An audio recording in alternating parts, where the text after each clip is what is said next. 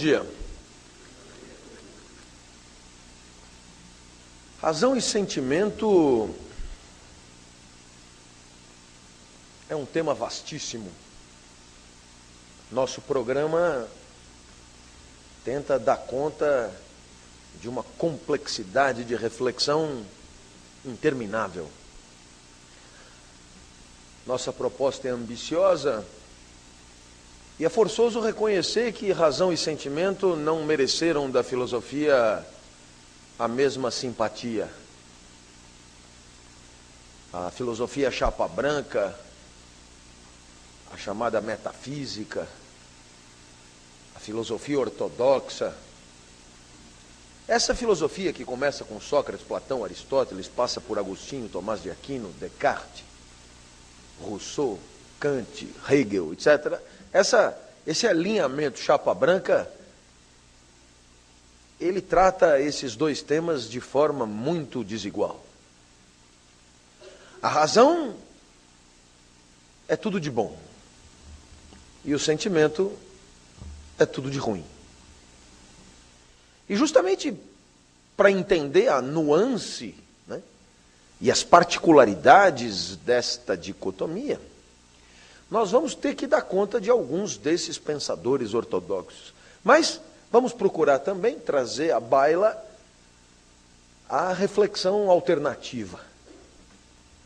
Os filósofos do corpo, os filósofos das emoções, das paixões, que também foram chamados lá atrás de atomistas, depois de sensorialistas, depois de materialistas e mais recentemente de vitalistas. Para esses, a equação de razão e sentimento é menos óbvia. E, portanto, cabe-nos também trazer aqui essa reflexão. Algum dia, vamos nos sentar todos, eu espero que ainda em vida, e falaremos sobre as paixões, a geometria das paixões, só sobre as paixões. Mas, enquanto esse momento não chega, podemos começar cuidando desta relação entre razão e sentimento. Não se trata, portanto, de estudar a razão, não se trata de estudar o sentimento, mas a relação entre ambos ao longo da história do pensamento. E eu vou começar, é, como tenho feito neste segundo ano de convívio, eu vou começar do pensamento mitológico, convencido que estou que ali estão muitas das raízes da filosofia clássica. E a relação entre razão e sentimento é pela primeira vez discutida no discurso mitológico é, com o célebre episódio dos irmãos Epimeteu e Prometeu, já apresentado aqui em outro momento. Conforme se lembram, graças a Zeus, a ordem se instalou. Graças a Zeus, o caos abandonou a terra, o mundo, o universo, como queiram, e graças a Zeus tudo começou a funcionar em ordem. Uma ordem impecável, e assim, como eu costumo dizer, o vento venta, a maré mareia, o sapo sapeia, girafa girafeia, tudo articuladamente, de forma muito sustentável, graças a Zeus, o pai fundador da sustentabilidade. Mas como tudo que é muito organizado, e os suecos não desmentem, fica muito tedioso. Tudo funciona certinho, tudo funciona adequadamente, não há o que fazer, já está tudo pronto, já está tudo certo. É, é, e os, os, os deuses começaram a achar aquilo um saco. E Epimeteu e Prometeu, dois deuses de segunda linha, filhos alinhados de última hora do exército de Zeus, filhos de titãs. Epimeteu e Prometeu foram falar com os deuses de primeira classe. Escuta aqui, isso aqui é um saco, velho. Não dá para a gente fazer alguma coisa diferente? O que, que vocês sugerem? Ah, deixa a gente fabricar mortais. Por mais cagada que a gente faça, eles morrem mesmo. É um, é um problema que passa rápido. Aí, porque se a gente não tiver o que fazer, é ruim. Então deixa a gente bola aí um negocinho, vive um tempo, morre, está tudo certo. E os deuses autorizaram os dois irmãos a fazer isso. O Epimeteu era o mais burrinho deles. Prometeu tinha até um sentimento de proteção em relação a ele. E Epimeteu vira para Prometeu e diz: Prometeu, Prometeu, posso fazer os animais? Vai, vai, vai, vai. Faz os animais. Então, Epimeteu pegou uma cesta de atributos, todos que ele poderia imaginar, e distribuiu equilibradamente entre os animais. Distribuiu tudo equilibradamente entre os animais. E assim os animais ficaram preparados para se enfrentar e enfrentar as intempéries. E Epimeteu ficou feliz e orgulhoso da sua obra. Quando ele voltou para contar para Prometeu o que ele tinha feito, Prometeu ficou indignado. Mas você é burro mesmo. É o que as pessoas dizem, elas têm razão. Você tem um parafuso a menos. Por que está tudo tão legal? O elefante é grande, mas não é veloz. O leopardo é veloz, mas não é grande. O coelho não é grande, mas fornica. E, enquanto não é comido, se diverte. O outro está, pô, está tudo jóia, e, e Prometeu vira e diz: O que é que eu dou para os homens se você já distribuiu tudo? Epimeteu vira e diz pela primeira vez na história da humanidade: E foi mal. Prometeu então é obrigado a invadir o palácio de Atena e furtar-lhe a astúcia. E entregar para o homem a astúcia, isto é, a possibilidade do homem fabricar ele mesmo aquilo que ele, por natureza, não terá. O homem nasce pelado, o homem nasce sem acessório, o homem nasce sem nenhum atributo, o homem nasce sem natureza. O homem nasce, portanto, desmunido de condições de sobrevivência por si próprio, e é por isso que, para compensar a cagada de Epimeteu, Prometeu lhe entregou a astúcia. Os deuses não gostaram da brincadeira. Castigaram Prometeu. E castigaram Prometeu porque porque tendo dado aos homens a astúcia, segundo os deuses, Prometeu fez dos homens quase deuses. O homem só não é Deus porque morre. Mas podendo fabricar a própria vida, podendo decidir a própria história, podendo articular ele mesmo a própria existência e não sendo regido pelas condições naturais e pelos atributos naturais eh, de nascença, o homem se converteu num quase Deus. Eis aí a primeira grande reflexão sobre o nosso tema que podemos apresentar o homem ficou privilegiado, por quê? Porque, num primeiro momento, ele ficou desmunido. Para compensar uma pobreza, o homem acabou recebendo uma riqueza exagerada.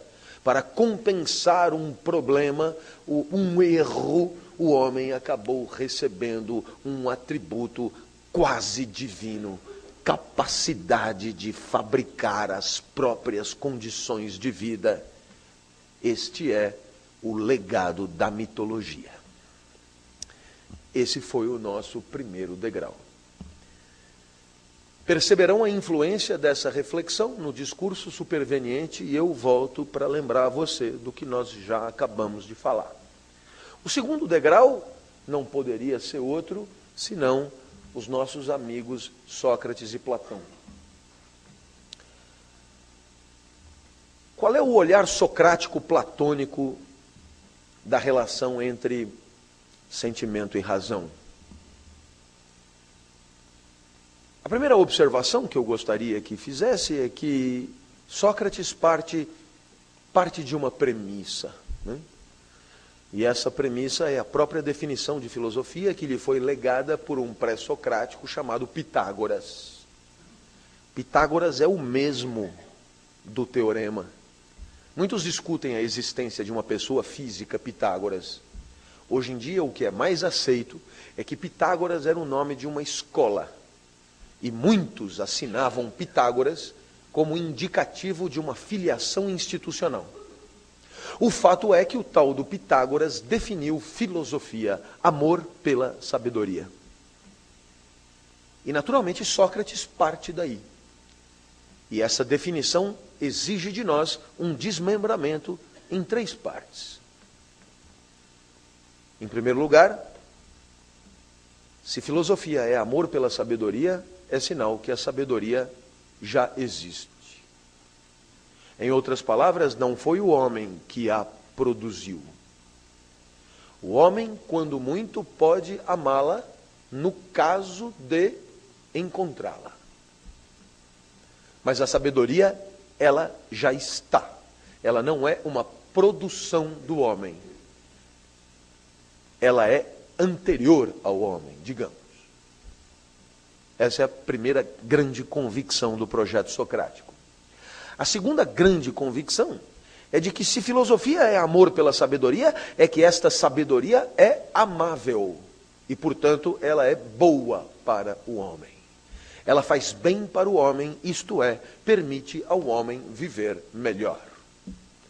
E em terceiro lugar, se filosofia é amor pela sabedoria, ela precisa não só de sabedoria, a definição, mas também de amantes. Amantes da sabedoria. Pessoas que, por amar a sabedoria, elas buscam esta sabedoria, elas se dedicam a encontrar esta sabedoria. Por quê? Porque tem uma intuição da sua existência e porque tem uma intuição da sua amabilidade, isto é, uma intuição de que esta sabedoria faz bem e é boa para nós. Olha que legal. Então perceba que o filósofo não é o sábio, o sábio não é o filósofo. O filósofo é um homem de carne e osso que procura a sabedoria. O sábio é uma figura inventada que já encontrou a sabedoria. Portanto, o filósofo é tudo menos sábio, por quê? Porque o filósofo busca, o sábio já encontrou. Ora, na hora que você ouve essas reflexões, você pensa, Puxa vida, mas essa convicção grega é no mínimo estranha. A sabedoria já existe e aonde é que eu posso encontrá-la? Será que eu tenho que sair pelo mundo procurando em algum momento eu vou esbarrar com verdades, esbarrar, esbarrar em verdades que estão aí é, é, se divertindo no mundo? É, é como eu faço para buscar a sabedoria propriamente? E a mais fina convicção dos gregos é que existe uma inteligência, uma inteligência universal, uma inteligência universal que está presente em todo o universo e que, de certa forma, permite ao universo ser como é, ordenado, organizado e maravilhosamente disposto. Então existe uma inteligência no intestino ao peristaltar, existe uma inteligência na jabuticabeira ao jabuticabear, existe uma inteligência no vento ao ventar e polinizar e refrescar, existe uma inteligência que está por todas as partes. Esta inteligência permite ao universo ser maravilhoso e o homem reconhece que não foi ele que fez. É o que os gregos chamam de logos divino. Logos, razoabilidade, compreensibilidade, inteligência, divino, por quê? Porque maravilhoso e não foi o homem que fez. Então deve ter a ver com Deus, propriamente. Sim, e aonde é que eu procuro a sabedoria? Pois é, essa mesma inteligência que perpassa todo o universo também também passa por nós. Em outras palavras, nós temos em nós um pedaço dessa inteligência, desse logos divino. Nós temos em nós uma parcela dessa inteligência, um, um fragmento dessa inteligência. E o fragmento de inteligência cósmica que nos contamina, vamos chamar de alma. Professor Clóvis, se a inteligência divina do universo passa por nós, eu poderia então supor que a sabedoria que tanto buscamos já está em nós. Nossa, se você concluiu isso, eu te reverencio. Você é do ramo. Abandone logo essa coisa de medicina, saber técnico, e venha logo para o que importa. Porque você tem jeito para coisa. A sabedoria já está em nós. Convicção grega maiúscula. Então não adianta eu ficar antenado com o mundo. Hã? É, internet, Globo News. Opa! Né? Eu estou controlando tudo, são milhões de informações, e agora eu assinei uma última que me vem notícias segundo a segundo, e eu estou ali sabendo de tudo. Isso nada tem a ver com a sabedoria, pelo contrário, isso só afasta você do que importa. Porque a verdadeira sabedoria, essa já está em você. E portanto, o jargão socrático por excelência, conhece-te a ti mesmo, agora faz todo sentido. Porque se eu conhecer-me a mim mesmo, eu já tenho tudo de que preciso para viver bem. Professor, é, quer dizer que as verdades absolutas já estão em nós porque somos fragmento do Logos divino? Exatamente. Então, quando Pitágoras descobre que o quadrado da hipotenusa é igual à soma dos quadrados dos catetos num triângulo retângulo, essa foi uma descoberta, no sentido de descobrir, no sentido de encontrar. Encontrei uma verdade em mim. Não produzi, encontrei. Fui pensando, pensando, pensando, pensando, e de repente ela apareceu. Quem conta isso maravilhosamente é um sujeito chamado Hertz. Esse Hertz da eletricidade. E ele disse: Fui pensando, pensando, pensando, e de repente, a verdade que está no mundo apareceu na minha mente, apareceu na minha razão, límpida e cristalina. Já estava ali. Era preciso meio que escavar para encontrá-la. O trabalho de reflexão intelectivo que permite uma vida tão boa é um trabalho de investigação da alma sobre a própria alma. É um trabalho de utilização de procedimentos lógicos, intelectivos, para o vislumbre de verdades que já estão em nós. Ah, mas professor Clóvis, é, o senhor vai me desculpar, mas eu não consigo encontrar essas verdades assim. Pois é, essa é outra convicção grega. É, não, não é para todo mundo mesmo. Né? É, como assim? O que, que o senhor está insinuando? Eu não sou pior do que ninguém, não. Sabe que lugar eu passei na UFMG? Então, não sei se é esse também o critério. É, para que você possa refletir e buscar verdades em si mesmo, os gregos diziam que você precisa de certas condições de vida.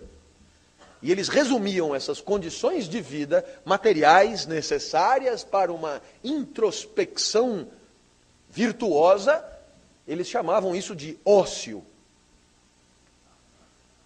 Ah, eu sempre achei que ócio fosse coçar o saco. É, não, né? É, não.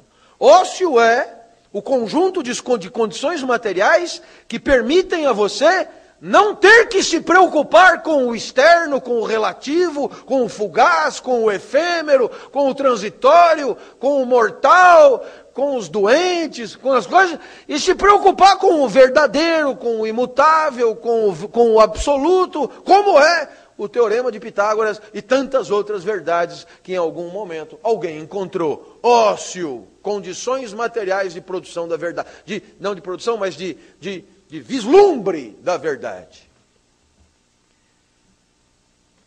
Professor, é, não sei se eu tenho ócio. Pois é, a maioria das pessoas precisa dizia Platão com desprezo, trabalhar para viver. E essas pessoas não têm ócio, e isso eles chamavam de não ócio, o que ficava nec ócio. Entendeu?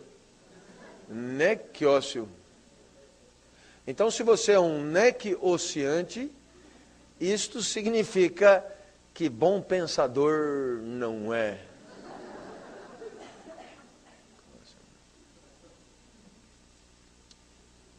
Professor, e o sentimento? Pois é. Conforme nós já dissemos aqui muitas vezes, na perspectiva socrático-platônica, o homem é diferente do resto da natureza, porque o homem é constituído de duas substâncias, corpo e alma. E essa, esse amálgama é um amálgama desagradável, desconfortável. O tal do Deus, cuja única função é botar alma nos corpos humanos, ele não faz bem em fazer isso.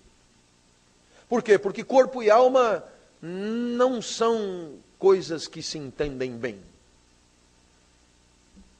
O corpo, que é matéria, e como toda matéria está em fluxo, em trânsito, em relação, em transformação, em, em, em corrupção, marcada pela finitude.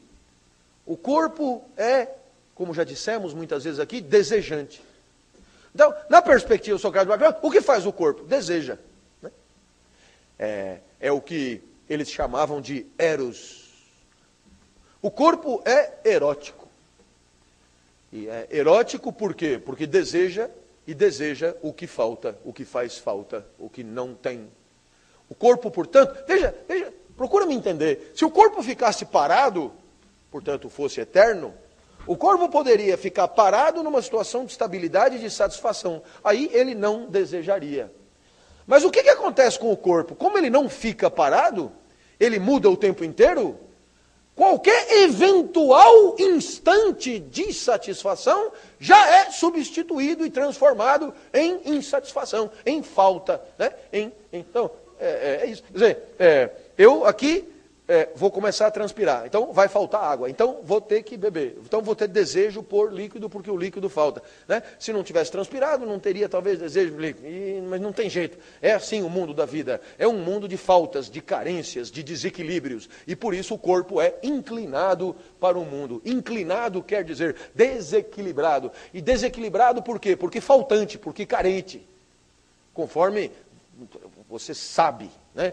Tem fome, come, aí comeu demais, aí tem sono, aí dorme demais, aí tem acorda fazer xixi, aí coisa, aí tem diarreia, aí não. É, é, terrível, velho. Eu nem falei do sexo, né? Mas o sexo então ainda é mais visível. Tem tesão, trepa, aí já não tem mais tesão, aí não sei o que. Mas aí o tesão volta e tal, tem que dar uns 15 minutos. Quando, quando temos 19 anos, tem que dar uns 15 dias, quando temos um pouco mais de. O corpo é foda. O corpo é. E então o que, que acontece? Triste daquele que consagra a sua alma a resolver os problemas do corpo. Porque o corpo demanda a alma. Escuta, estou com sede. E cabe à alma identificar no mundo o que pode resolver. Então, qual é a vida triste? Qual é a vida pobre? É a alma perdendo tempo para atender as carências do corpo. Coisa que a gente faz, né? Estou com fome. Ah, vamos comer aonde? Em tal lugar. Aí chega lá, vem o cardápio. E está aí a alma preocupada em resolver as carências do corpo. Né? É o cardápio. Ah, tristeza. E, e, então o que, que seria bom? Seria bom que a alma pudesse não precisar fazer isso. Seria bom que a alma pudesse eh, se afinar com a verdade do universo, que é, que é o que ela gosta, que é o, o que lhe é familiar. Seria bom que ela não precisasse ficar discutindo o que, que nós vamos comer. Então seria bom que o corpo desejasse menos. O ideal mesmo seria que ele não desejasse. E para que ele não desejasse, o ideal mesmo seria que ele morresse logo. Acho que você entendeu. Essa é a perspectiva da vida. É um mal pode ser mais mal, também chamado de pior, ou pode ser menos mal, mas será ruim. Será ruim. Né? Agora, quando você morre, finalmente a alma liberta e aí volta a fazer o que ela gosta, ela é eterna, volta a se afinar com a verdade do cosmos e não tem mais que dar conta de um corpo que é uma porcaria que só atrapalha. Perspectiva socrático-platônica. Naturalmente, eu acho que você entendeu. O homem que vive regido por Eros, que é desejo e que é amor, é um homem escravizado pelo corpo e que, portanto, impede a alma de se alinhar com aquilo que é o melhor da vida, o alinhamento de si mesmo ao todo universal. A vida no amor é a pior das vidas possíveis. Convicção socrático-platônica. Eu subo para o terceiro andar, o terceiro degrau da nossa reflexão e passo para Aristóteles. Aristóteles é mais legal. Aristóteles é aluno de Platão, mas discorda dele em quase tudo. Aristóteles é mais parecido com a gente. Aristóteles tem, digamos, mais simpatia pelo mundo da vida. Filho de médico que era, Aristóteles era um cientista quase que moderno, um observador do mundo, interessado pelas ocorrências do mundo, não desprezava o mundo da vida como Platão, um matemático muito triste. Ora, a perspectiva aristotélica, procura me entender. O pensamento de Aristóteles é um pensamento relativamente simples de ser compreendido na sua filosofia. Eu só posso entender por que, que as coisas são como elas são se eu conhecer a sua finalidade. Por isso, Aristóteles era um conhecido pensador finalista. O que isso quer dizer? Isso quer dizer que a finalidade das coisas é a razão pela qual elas existem. Isso quer dizer que a finalidade é a causa das coisas. E é por isso que Aristóteles chamava isso de causa final. Então, se você quer saber por que, que o professor Clovis é do jeito que ele é, você jamais descobrirá se você não partir de uma reflexão prévia. Para que o professor Clovis vive? Por quê? Porque ele só foi, digamos, feito do jeito que ele é, porque havia a necessidade que alguém cumprisse essa finalidade. Então, por que, que o joelho é do jeito que ele é? o pensamento aristotélico ele é biológico por excelência. Por que, que o joelho é do jeito que ele é? Porque ele serve para dobrar. Então, dobrar é a finalidade e é a causa do joelho ser do jeito que ele é. Por que, que o intestino é do jeito que ele é? Porque peristaltar e excretar é a finalidade que justifica o intestino ser do jeito que ele é.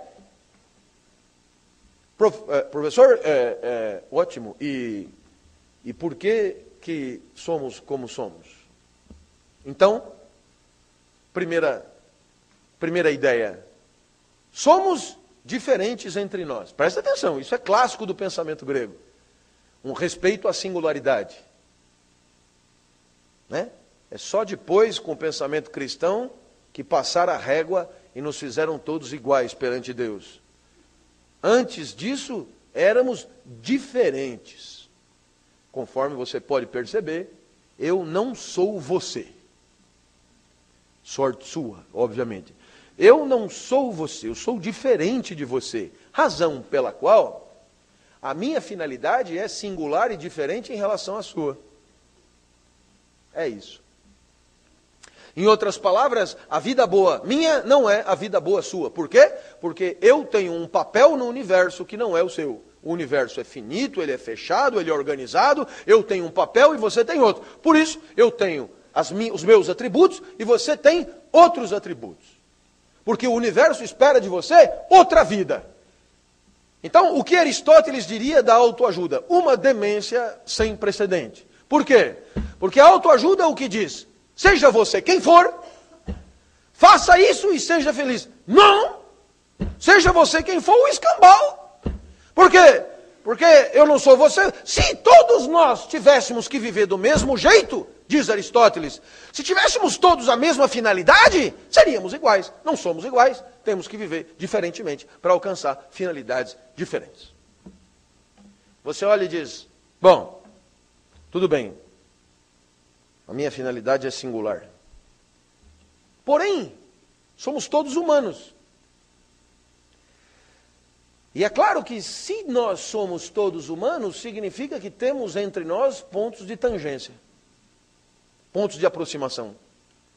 E isto só é assim, para ser fiel ao método aristotélico, isto só é assim porque temos pontos em comum nas nossas finalidades. Então, somos singulares, finalidades singulares. Somos parecidos, finalidades parecidas. Em outras palavras, temos que encontrar a nossa singularidade e a nossa semelhança em relação aos demais humanos. A singularidade não há muito o que dizer, cada um vai buscar a sua, mas a semelhança é possível discutir sobre ela. E para não perdermos mais tempo, Aristóteles conclui: a finalidade comum a todos nós é a eudaimonia ou felicidade. Então, o que, que Aristóteles acreditava? Professor, Professor Clóvis, finalidade, dar aula e ser feliz. É, Geraldinho, finalidade, anestesiar.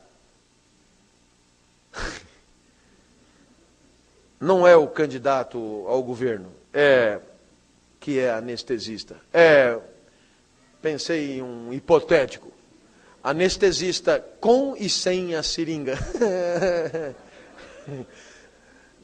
Geraldinho, finalidade, anestesiar e ser feliz.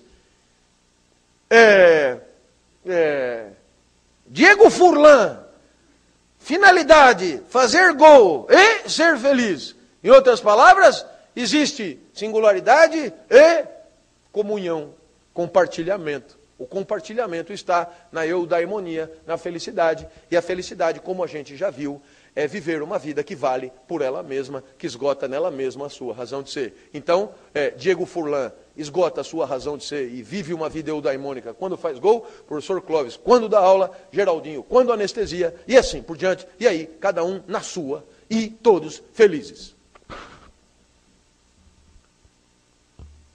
E é agora que podemos entrar na relação da razão com o sentimento. A perspectiva aristotélica é totalmente diferente da de Platão. A de Platão você entendeu. A razão do caralho, o sentimento, um estorvo. Agora mudou. O que compõe a eudaimonia, a felicidade, a vida soberana, o supremo bem? O que compõe? Três coisas. Primeira delas, dinamis, Dinamis, como devem supor, quer dizer potência, energia vital, tesão pela vida. Dinamis. Dinamis. Você sabe, na perspectiva aristotélica, a vida boa é uma vida com tesão. É uma vida, portanto, com um certo engajamento corporal. Veja a diferença do pensamento de Platão. A vida boa pressupõe um corpo tonificado, um corpo disposto, um corpo tesudo, energizado para o mundo. Aí você dirá, mas e isso, isso como é que acontece? É, essa dinamis no mundo do século XX tem recebido o nome de motivação. E aí, esse conceito está muito presente no mundo das empresas, da escola, etc. Ah, o menino, ele não tem motivação, professor. E também o funcionário está desmotivado. O senhor poderia dar uma palestra motivacional? Aquela palestra que o senhor dá e sai todo mundo tesudo pela vida. É, como eu sou um profissional disso, eu dou a palestra. Mas qualquer bípede deve saber que uma palestra não pode bastar para que você tenha tesão pela vida.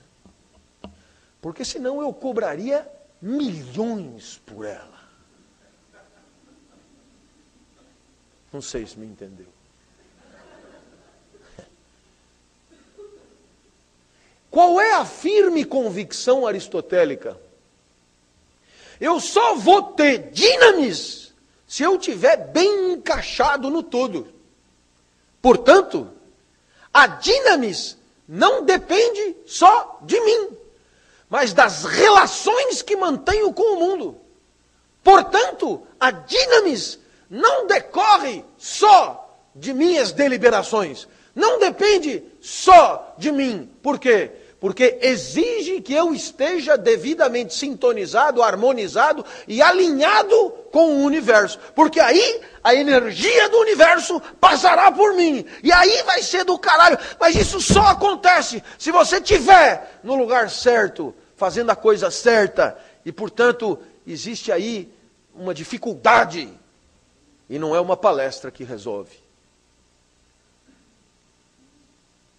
O vento já é motivado, já tem dinamis, já está no lugar certo e venta. Da mesma maneira, a maré, o sapo, a girafa e tudo na natureza. E nós? Não. Nós não, por quê? Porque para nós o lugar certo é uma descoberta, é uma aventura. Para nós o lugar certo é o objeto de uma investigação. Para nós a chance de vivermos a vida inteira no lugar errado é enorme. Para nós, portanto, para termos tesão pela vida, precisamos encontrar um encaixe raro, difícil, custoso, que exigirá de nós discernimento e razão. Tudo por causa de Epimeteu. Epimeteu já fez tudo nos mortais certinho, mas esqueceu de deixar para o homem e, portanto, para o homem, a vida não está pré-programada pela natureza. E é por isso que nós temos a razão para compensar a cagada de Epimeteu e para substituir a nossa pobreza de natureza com algum com alguma competência em busca desse encaixe pouco provável, raro que é o, o alinhamento da vida do homem com o cosmos. E aí teremos motivação, e aí teremos dinamis, e aí teremos potência. Então você entendeu? A felicidade ou eudaimonia é tesão, potência e sentimento, mas exige uma adequação cósmica que pressupõe o uso da razão, da inteligência e do intelecto. Eu acho que você percebeu, a relação entre razão e sentimento em Aristóteles é muito mais sofisticada, muito mais fina do que em Platão. Segundo aspecto da eudaimonia, além de dinamis, esse segundo aspecto é muito surpreendente para nós é, Aristóteles chama de exis, H-E-X-I-S.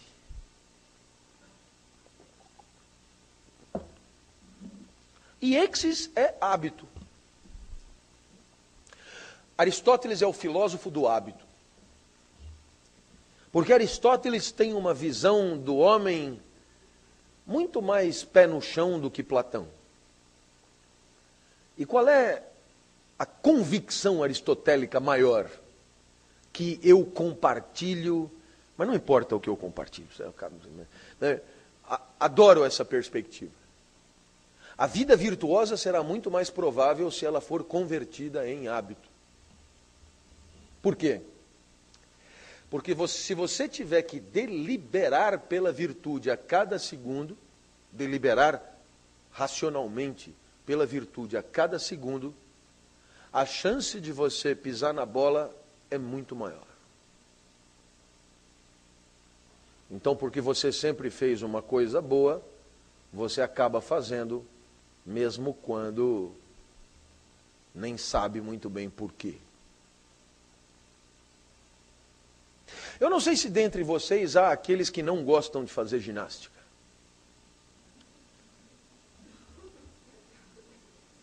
Como, como eu. Então, qual é a ideia? A ideia é fazer ginástica, movimenta um pouco aí o coração, acelera um pouco a coisa, né, dá uma nadada, dá uma corrida e tal, e aí libera-se um certo número de propriedades aí, que vocês conhecem melhor do que eu, você se sente um pouco melhor, então fazer atividade física é condição de um certo estado de bem-estar. Mas fazer a atividade física é insuportável. Então, qual é a recomendação aristotélica? Ao se inscrever na academia, Aristóteles era sócio da Hanner, ao se inscrever na academia, faça sempre no memorário. Por quê? Porque você vai para lá sem precisar pensar. Essa é a virtude convertida em hábito. Porque se você tiver que pensar, você não vai. Durante algum tempo da minha vida eu pratiquei natação.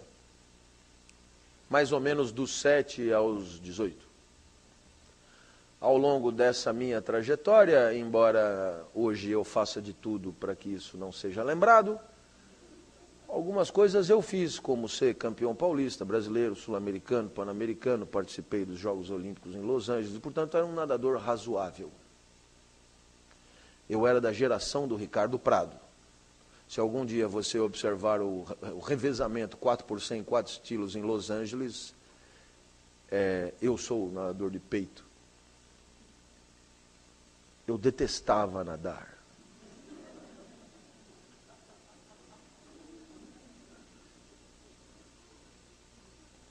E por que, que eu conto essa história? Porque eu sempre treinei, sempre não, né? Mas eu treinava num clube chamado Paulistano e o, e o Prado veio de Andradina. E aí nós fomos os dois contratados pela Hebraica. E eu treinei com o Prado na Hebraica uns três ou quatro anos. E era impressionante a diferença. O tesão que ele tinha pela natação era inverso do meu. Então, o, o técnico, que era americano, chamava Richard, ele dava, mandava fazer 10 de 100. Eu fazia 8. E ele 12. Por que, que eu ia? Por hábito. Um hábito fortemente estimulado pelo meu pai. Estimulado assim, Vai.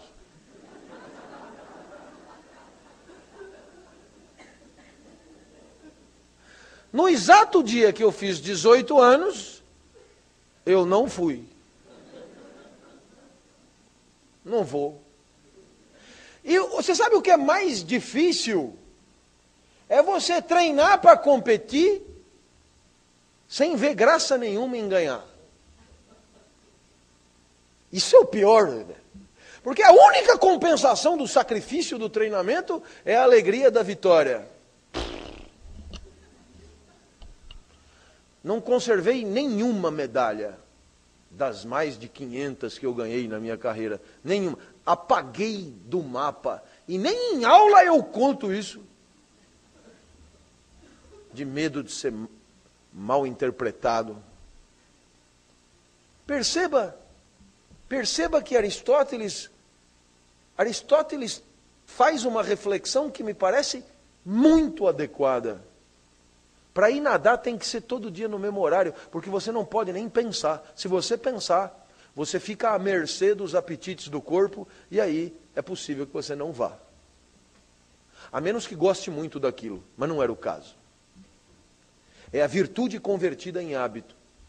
Aí você dirá, professor, o que, que isso tem a ver com razão e sentimento?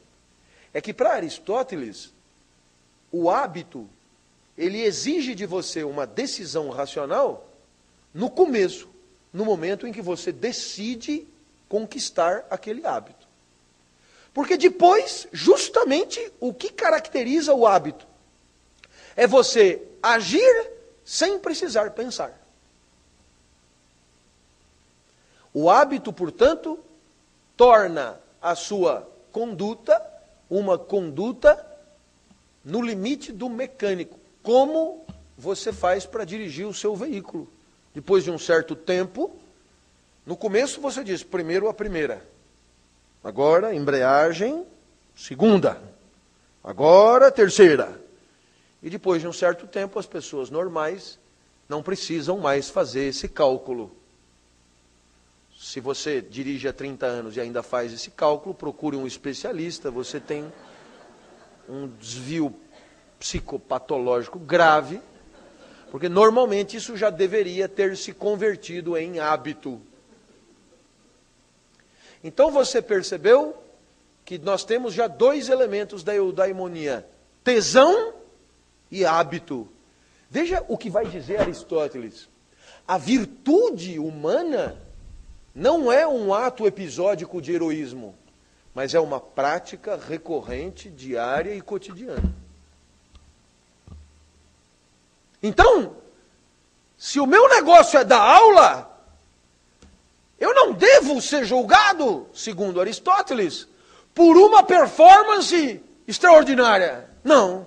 Eu tenho que ser julgado pelo corriqueiro e pelo habitual das minhas aulas. E eu tenho que ter tesão ao longo do processo, no hábito. O tesão não pode ser só na Copa do Mundo. Não. O tesão tem que ser no dia a dia, na habitualidade, na cotidianidade.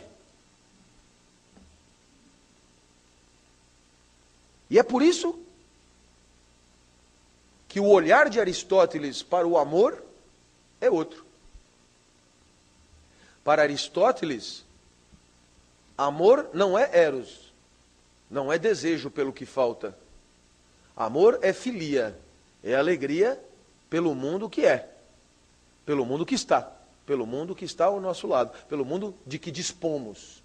É alegria pelo que somos, é alegria pelo que já fazemos. Amor é alegria pelo que já dispomos de. É alegria por coisas que já conseguimos fazer. Não desejo pelo que não temos, não somos e não podemos, mas alegria pelo que já somos, já podemos e já temos. E você perguntará, mas amamos tudo? Não. Amamos aquilo que nos permite ter dinamis. Amamos aquilo que nos permite alegria. E o que é que nos permite alegria? Justamente aquela parte do mundo que nos permite e que é necessária para nós, para que nos alinhemos com o universo. Existem coisas no mundo que facilitam o nosso alinhamento e existem coisas no mundo que dificultam o nosso alinhamento. Tudo aquilo que facilita o nosso alinhamento nos alegra e isso nós amamos. Tudo aquilo que dificulta o nosso alinhamento nos entristece e isso nós odiamos. Então você entendeu que para Aristóteles a vida boa pressupõe ao mesmo tempo alegria e inteligência. A convicção aristotélica é que sentimento e razão não são a mesma coisa. Mas sentimento e razão devem colaborar intimamente para que você possa viver bem. Não há vida boa sem amor. Não há vida boa sem bom discernimento para encontrar o nosso lugar, a nossa atividade, a nossa excelência que permite esse bom sentimento. Eu poderia dizer, terminando Aristóteles, que a vida boa é a felicidade e que a razão é o meio privilegiado para alcançá-la. Veja como nós somos fortemente marcados pelo aristotelismo. Veja como isso nos parece um pouco familiar. O meu pai dizia: quando a cabeça não presta, o corpo paga.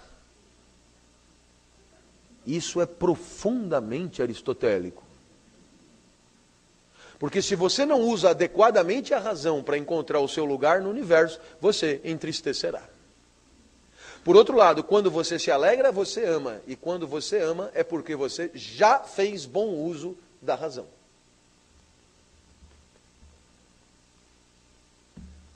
Contemporâneo de Aristóteles era um fulano chamado Epicuro.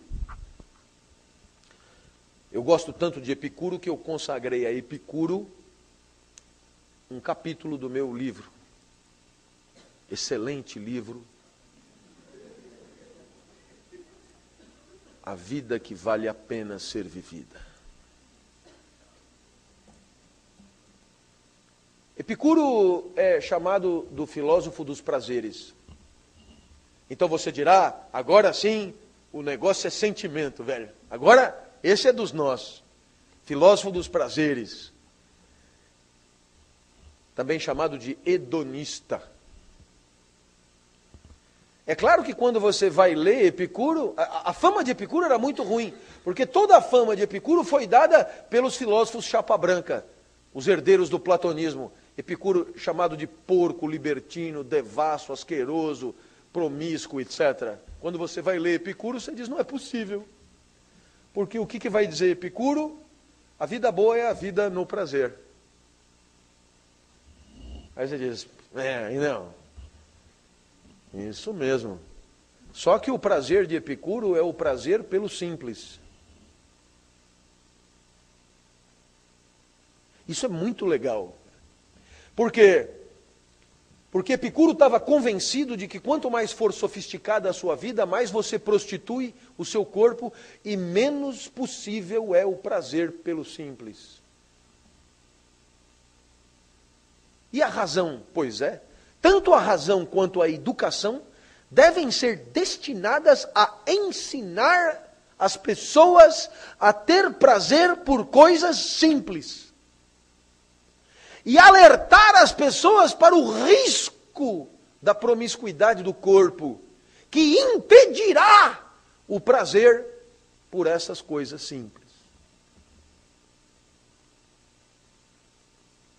Afinal de contas,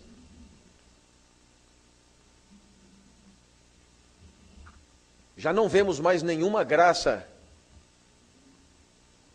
nos programas de informática do ano passado. Afinal de contas, já não vemos mais nenhuma graça numa televisão que não seja de L não sei das quantas, 3D, XW14, 24. Já não vemos mais nenhuma graça em comer pão. Você vai comer só pão? Assim seco? Não vai pôr nenhuma manteiguinha? O senhor come arroz puro? Não quer botar um molho curry temperado com lágrimas de castor da Manchúria?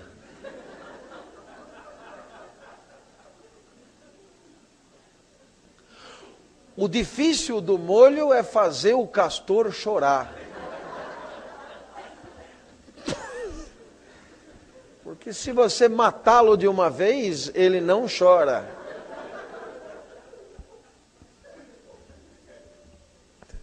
É super sofisticado. Pois é, a razão deve nos permitir o discernimento de um estilo de vida que nos autorize continuar para sempre tendo prazer com os simples.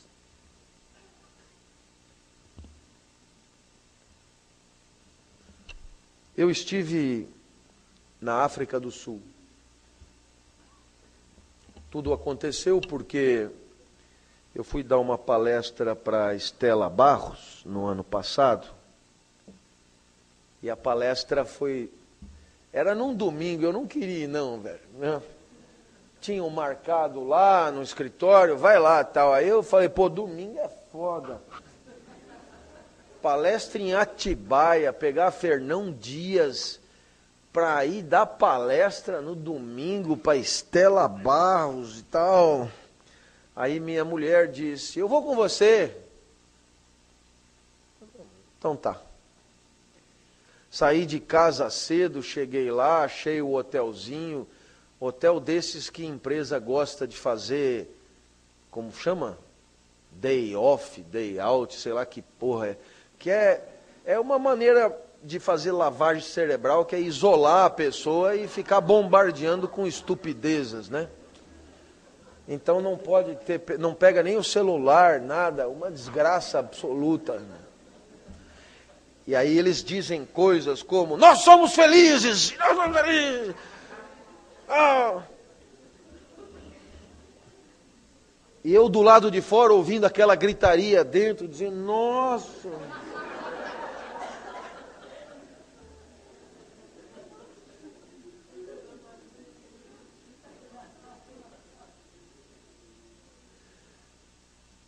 Aí antes da minha palestra, saiu todo mundo para o café. E quando todo mundo saiu, eu dei uma olhada no jeitão das pessoas e comecei a sofrer por antecipação. Mas, para minha enorme surpresa, foi agradabilíssimo. Comecei a falar, claro, adaptando o discurso ao jeitão e eu era aplaudido a cada três minutos, velho. O que você sabe, para mim, é o único que importa. No final foi aquela ovação, aquele negócio tal. E antes da palestra, os caras tinham me dito que todos ali eram vendedores de pacote para a Copa do Mundo. Então eu fiz uma brincadeirinha no final. Eu falei, escuta, eu queria ir para a Copa, você conhece alguém que possa me ajudar? Nossa, eu, eu, eu, eu. E eu fui embora. Entrei no carro, minha mulher do lado, virei para ela e falei, eu sou foda, hein? Ela é, é, é, preciso admitir que você se saiu bem. Aí voltando pela Fernão Dias para almoçar em casa,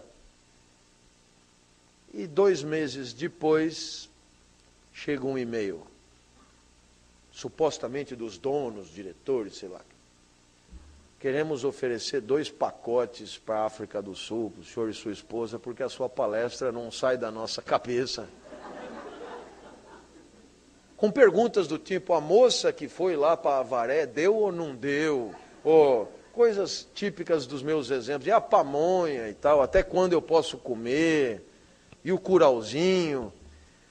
Bom, um monte de brincadeira. Aí eu liguei para lá e falei, olha, passaram um trote e tal. Não, não é trote não.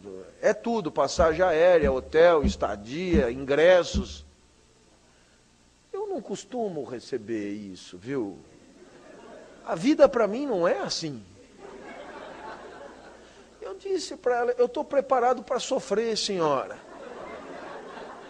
O que a senhora está fazendo a senhora está me desarmando.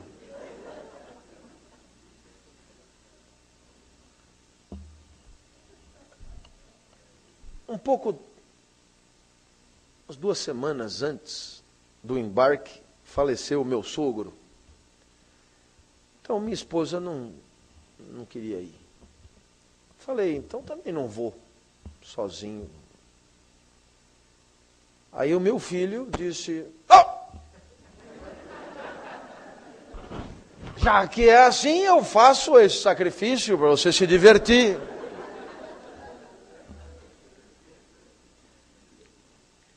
E um dia antes de embarcar, feita a transferência dos nomes e tal, meu filho foi na 25 de março, rua de comércio popular lá da minha cidade, e, e, e do país inteiro, e eu tenho a impressão que talvez do mundo inteiro, e comprou uma vuvuzela a ar comprimido.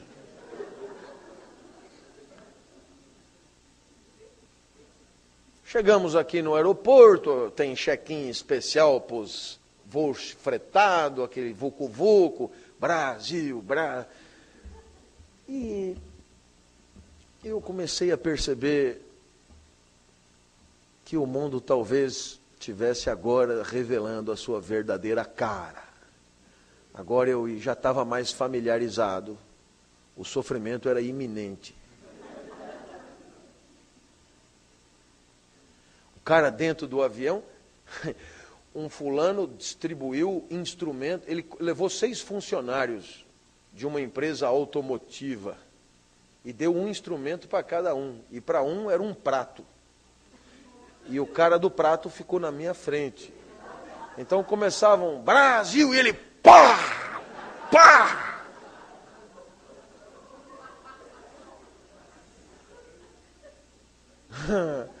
E ele corria com o prato. Pá! Quando nós chegamos na África do Sul, o meu filho com a sua vuvuzela na mão, que não cabia na mala e tal, fizemos juntos ali o ingresso na, no equivalente à Polícia Federal. E o fulano falou: O que é isso? O meu filho, vuvuzela. Aí ele falou: Blow it. Aí o meu filho falou: Não é de assoprar, é. Aí ele, pois então faça. Aí o meu filho diz: Talvez não seja prudente aqui. Aí o cara insistiu. E meu filho falou: Então faça você. Aí o cara pegou, pode imaginar o sujeito, o tipinho, né? Saiu da casa dele ali, pegou e. Foi, foram caindo em dominó as pessoas da frente. E com aquilo vieram os demais policiais. Eu falei, pronto, agora nós estamos fodidos já vamos ser presos e tal. Mas não, cada policial queria dar a sua fufuzelada. Aí vieram as moças. E aí fizeram uma proposta pela vuvuzela. Quanto você quer por essa vuvuzela? Não, não está à venda. Algumas pessoas atrás na fila tinha um fulano com um cavaquinho. Ele tocou o cavaquinho às nove horas de viagem. E ele só tinha um refrão. E ele cantava exatamente assim, eu jamais esquecerei. Ele cantava Bafana, bafana, bafana, bafana, yoba. Bafana, bafana, bafana, bafana, yoba. E aí voltava no primeiro tom. Bafana, bafana. Então, quando ele chegou para fazer a checagem de passaporte, ele. Bafana, bafana, bafana, bafana. Eu fiquei, esse vai se fuder. As pessoas comparam os africanos aos brasileiros. Eu não sei aonde, velho. Vai fazer graça na Polícia Federal em Cumbica. Fazendo, né? Já fica 12 horas recluso, né? Só para começar a entender como funciona pois os guardas armaram um baile com o cavaquinho do cara só. E os policiais dançando, vieram as moças, e acredite, uma delas me tirou para dançar. E eu me peguei dançando com uma policial militar africana ao som do cavaquinho. Bafana, bafana, bafana. E você sabe que era gostosinho dançar com ela? Me fez lembrar do Mela Cueca e do. E eu comecei a me encantar ali com o povo africano. E quando alguém me pergunta, e na sua filosofia, o que, que te parece mais próximo do que você viveu ali?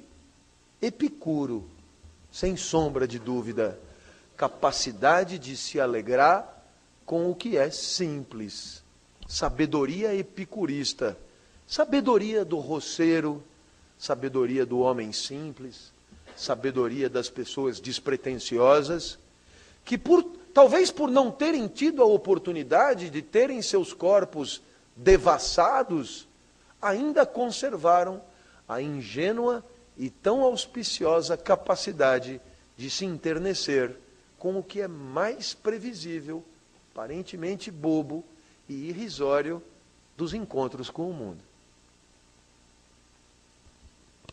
Muito boa explicação. os estoicos vieram na sequência. Estoicos romanos. Três grandes nomes: Marco Aurélio, Epicteto e Sêneca. A senhora não gosta dos estoicos. É, Marco Aurélio, Epicteto e Sêneca. Qual é a perspectiva estoica? A perspectiva estoica é um pouco herdada de Aristóteles, está tudo organizado, está tudo ordenado, e, portanto, a vida boa é a vida alinhada com o universo. Mas os estoicos têm um, uma passagem no manual de Epicteto que chama muito atenção. E essa passagem é a seguinte: não ame. Então isso chama atenção e você vai investigar o que, que o estoico entendia por amor. E ele entendia por amor uma espécie de apego pelas coisas. E por que, que não se deve amar? Porque as coisas pelas quais nos apegamos são perecíveis, são finitas, são mortais, e portanto todo amor termina em tristeza.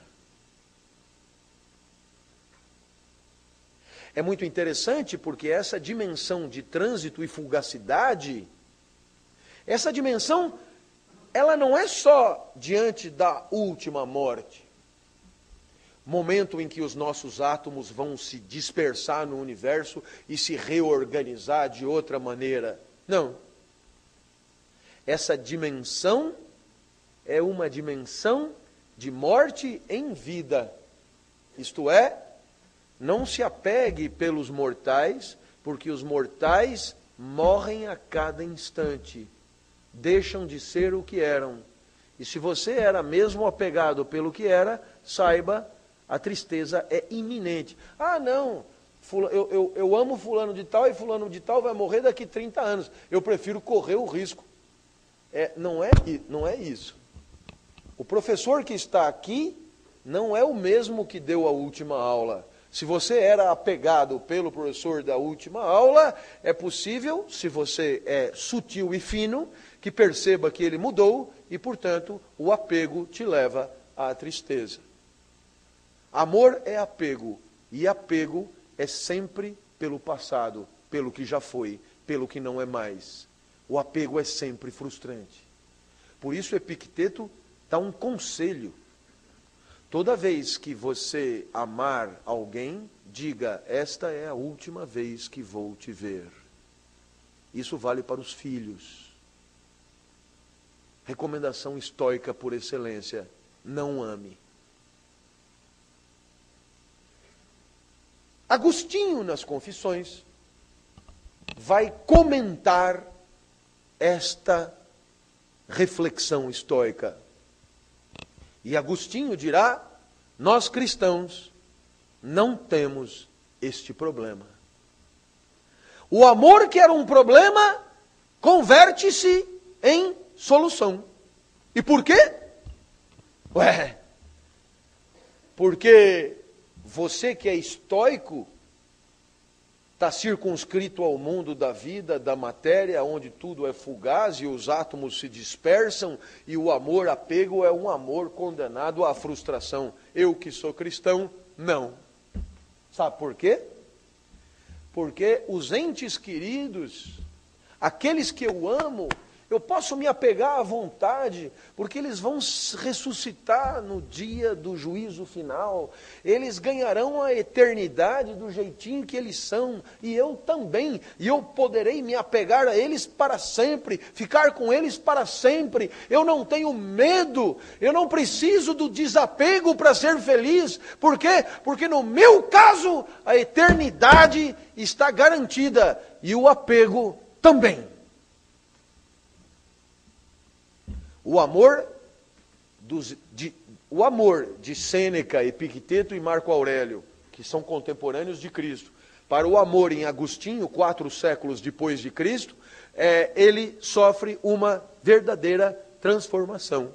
O amor é condenável e ele passa a ser a grande solução para uma vida boa. O, o episódio que Agostinho conta para para explicar a sua teoria é o enterro da própria mãe. Agostinho fez as exéquias da própria mãe, não derramou uma lágrima. E, e, ele era apaixonado pela mãe, vidrado na mãe, agarrado com a mãe. E aí perguntaram para ele: Pô, cara, você não está triste? Ele falou: Por que estaria triste? Se agora nós já vencemos o primeiro passo para o encontro definitivo. Né? Quando duas pessoas se amam, é preciso duas coisas para elas viverem juntas para sempre: uma morrer e a outra também. Ela já morreu, eu só tenho que comemorar, agora só falta eu. Quando eu morrer, estaremos juntos eternamente no paraíso e nós que nos amamos tanto.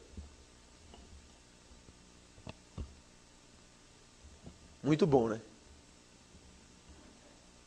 É tão bom que eu confesso que tem uma pitadinha de desconfiança.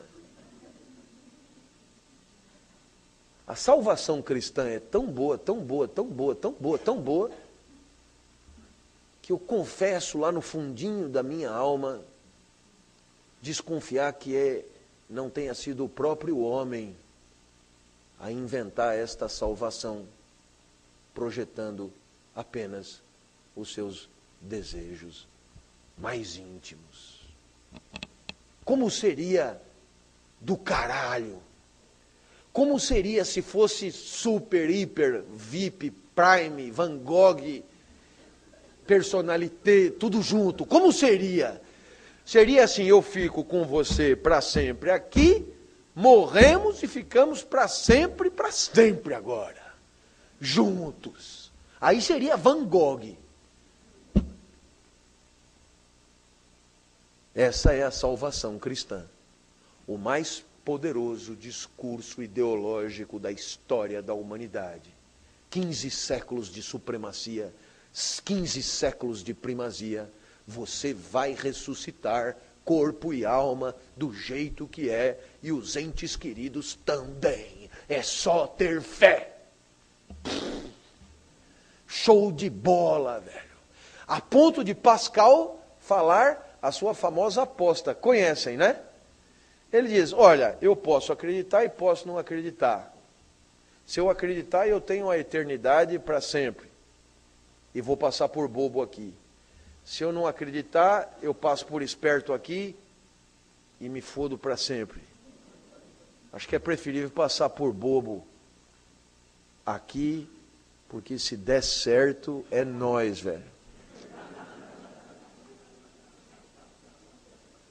É nós. É o timão campeão todo ano. Aí é foda. O primeiro homem da modernidade é Descartes. Descartes é herdeiro de Platão até um certo ponto. É um dualista. Somos dois, res cogitans e res extensa. Res extensa, corpo, dimensão, extensão, né? ocupa um lugar no espaço res cogitans é a, é, a, é a substância cogitativa do homem, que não é o corpo. Percebeu? O dualista acredita nisso. Existem dualistas até hoje. Quem pensa não é o corpo. E acredite, né? Mesmo no século XXI, quando você já sabe que tem neurônios, tem sinapses, tem tudo isso, o dualista dirá: tudo bem, o cérebro é importante, mas o cérebro não é a mente, não é a alma. O cérebro é talvez condição para que a alma pense, mas o cérebro é uma coisa, a mente é outra, e ainda não há comprovação científica de que o pensamento seja de fato exclusiva produção corporal. É uma longa discussão, não vem ao caso. O fato é que para Descartes existe uma substância que pensa e outra que sente, que vive, que morre, etc. Naturalmente, para Descartes, essa res cogitans é eterna, sempre pensou, sempre duvidou, sempre cogitou, e a res extensa é mortal, finita, e, portanto, existe um grude temporário que é o período da vida. A filosofia moderna começa com a dúvida radical cartesiana. E por que que isso acontece? Vem comigo. Porque Descartes é contemporâneo de Galileu. Com Galileu, Copérnico, o homem descobre que o universo não é finito e ordenado. Então Descartes é marcado por um grande trauma. E qual é o grande trauma do seu tempo? Nós estamos em 1600, né? Descartes viveu de 1595 a 1650, é um pensador da primeira metade do século 17. E qual é o grande trauma do seu tempo? O universo não é referência não tem cadeira cativa, não tem lugar natural, não tem ordem, não tem papel e, sobretudo, não tem finalidade. Aristóteles estava errado, a física aristotélica estava equivocada. Você quer ver uma prova do erro da física aristotélica? Aristóteles tinha firme convicção de que o cosmos é eterno. O que, que eles fizeram? Eles inventaram um aparelho chamado telescópio. E com o telescópio, o que, que eles descobriram? Que tinha estrelas, que eles achavam que, na verdade, é, nasciam, mas na verdade elas explodiam, e portanto eles descobriram que o universo não é eterno.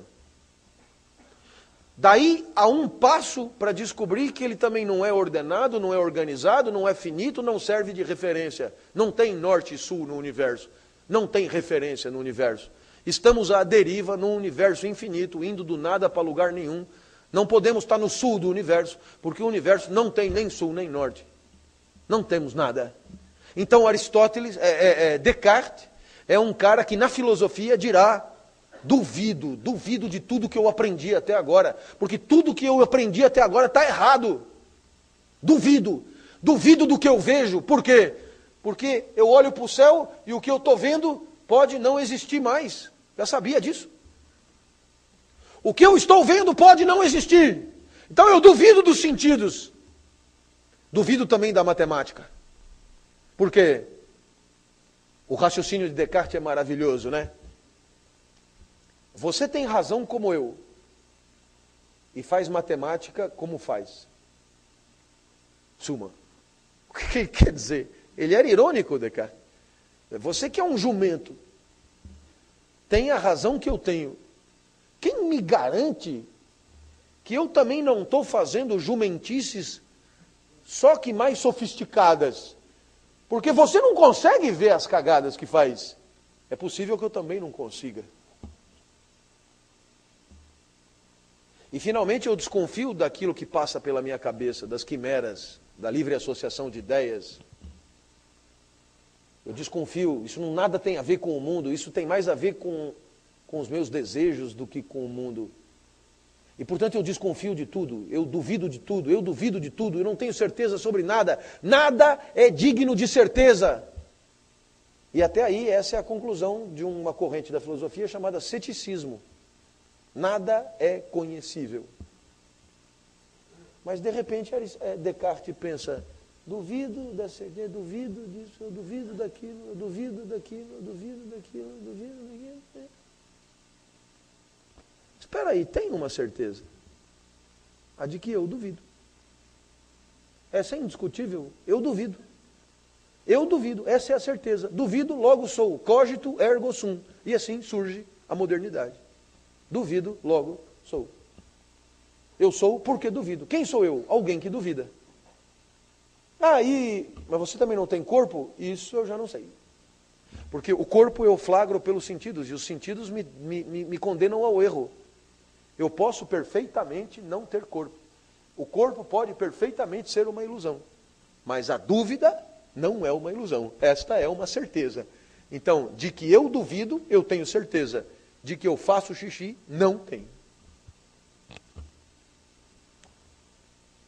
Eu acho que você entendeu que nós estamos no coração da modernidade. E que esse coração da modernidade, que tem a revolução científica de Galileu, nessa revolução científica, procura me entender, a maneira de fazer ciência muda radicalmente com Galileu. Porque até Galileu, o que era o pensamento? O que era o pensamento científico até Galileu? Era o que os gregos chamavam de teoria, contemplação do divino. O saber era um saber contemplativo, porque o universo era ordenado, o universo era bafejado pelo Logos divino, e eu só alinhava a minha inteligência com o Logos divino e contemplava a sabedoria do universo. Portanto, o saber era um saber contemplativo e a verdade estava no universo. Então bastava contemplá-la, bastava descobri-la, não fabricá-la, não inventá-la. É com Galileu que o homem percebe que não há verdade nenhuma a contemplar. E que o conhecimento não pode ser encontrado, descoberto, e sim produzido, criado, inventado. O homem então vai criar relações entre fenômenos, vai criar nexos entre fenômenos e vai passar a ter uma postura ativa de produção do conhecimento, paradigma da atividade científica. O homem não, não, não fica olhando e contemplando a verdade do mundo. O homem vai fabricar a verdade que sem ele não existirá. Exemplo. Pode atender.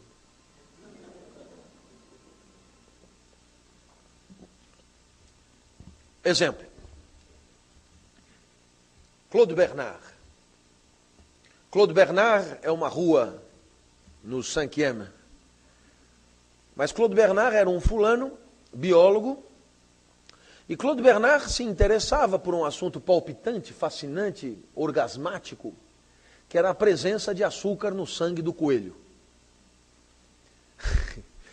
Você pode imaginar que eu decorei tudo para dar esse exemplo, porque a presença do açúcar no sangue do coelho me interessa tanto quanto o resultado do jogo Holanda e Camarões que eu fui assistir. O que, que Claude Bernard acreditava? Será que o açúcar no sangue do coelho tem a ver com alimentação?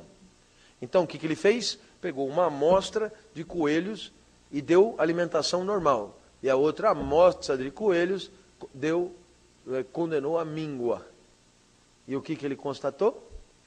O sangue continuava igual. O que, que ele deduziu?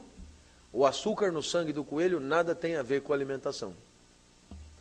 Então ele foi isolando variáveis, isolando variáveis. Será que tem a ver com, a, com o joelho? Não, porque tirei o joelho e vunha. Será que tem a ver? Não, porque eu fiz isso e dá. Será que tem a ver? Não, porque percebeu cheio de hipóteses. E de repente, o que que Claude Bernard descobre? Descobre que quem fabrica o sangue, o açúcar do sangue do coelho é o fígado. E ele descobre a função glicogênica do fígado la fonction glycogénique du foie. Decorei bem? E você percebeu que o trabalho do cientista é um trabalho de estabelecer nexos de causalidade entre fenômenos, entre o fígado e o açúcar do sangue do coelho. Sem o cientista fazendo o trabalho de síntese, como diziam os gregos, né?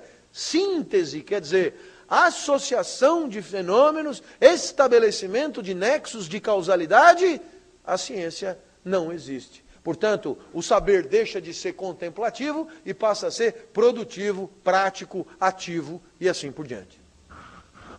E por que agir? Para descobrir o, da onde vem o sangue do coelho? De não.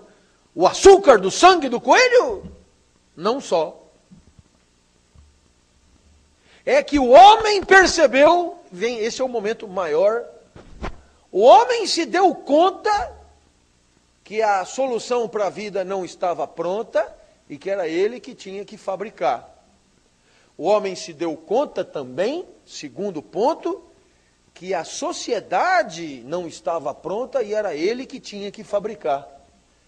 E como agora a coisa estava na mão dele, o homem tinha que agir sobre o mundo graças à razão, graças ao conhecimento científico, graças ao método da dúvida radical, o homem vai ter certeza sobre as coisas e com isso fabricar uma sociedade ideal. O homem vai ele mesmo estabelecer as suas finalidades, os seus projetos. Por quê? Porque a finalidade aristotélica, que era anterior ao homem, que era ligada a uma harmonia cósmica, essa foi para o saco. Então é agora o homem que diz para onde ele quer ir. A finalidade agora passa a ser um, um projeto humano. E o homem, nesse momento, constrói o maior projeto de civilização da história da humanidade. O maior projeto, um projeto grandioso de civilização. Então veja, de um lado, um projeto grandioso de vida, de outro lado, um projeto grandioso de vida em comum, de civilização. E esse projeto grandioso de civilização vai receber o nome de humanismo. E esse humanismo, ele busca uma civilização libertadora, emancipadora e feliz. E por que libertadora? Da onde vem essa questão da liberdade? Vem comigo, vem comigo, velho. Rousseau aqui é, a, é, o, é, o, é o cara. E conforme eu já contei no, no início do discurso sobre a origem da desigualdade entre os homens, o que é que Rousseau vai contar? O gato tem tecnologia de gato, é programado pela natureza para viver como gato, tem instinto de gato. O gato é refém da sua natureza.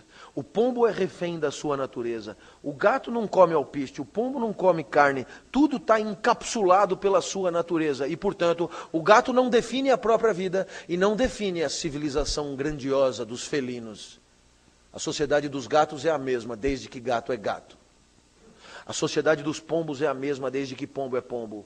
Um formigueiro é igual desde que existe formiga. Uma colmeia de abelhas é igual desde que existe uma colmeia de abelhas. Mas nós não.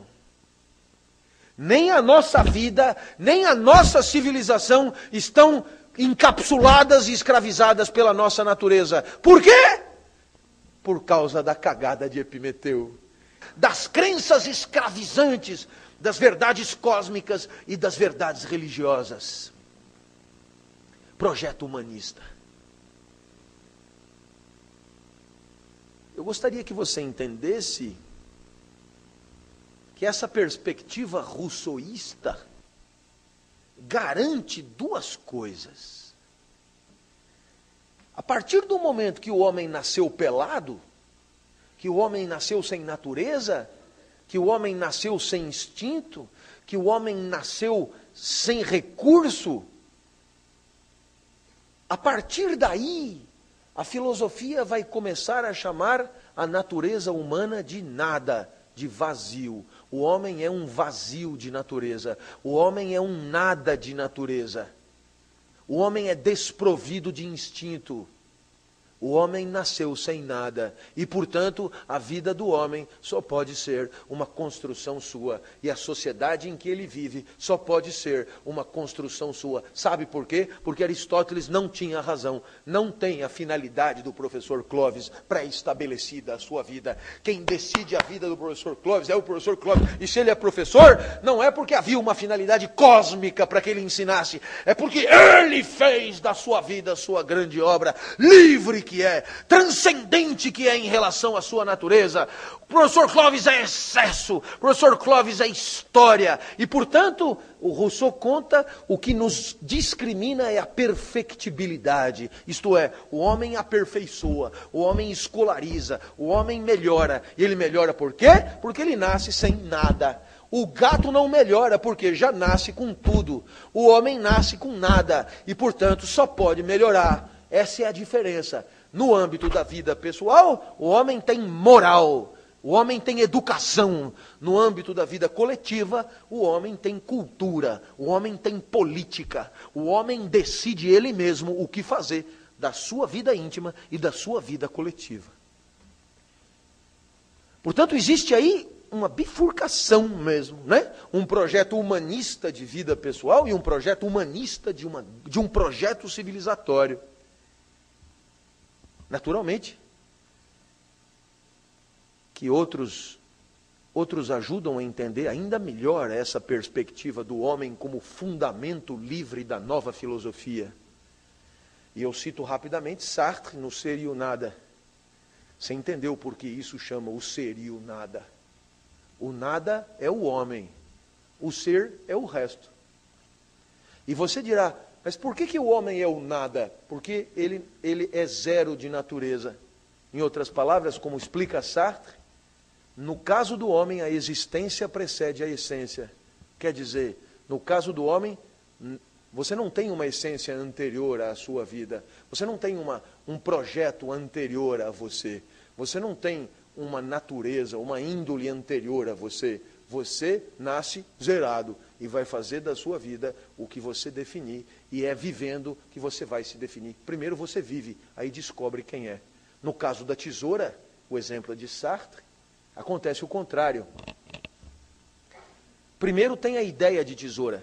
Primeiro tem o projeto da tesoura.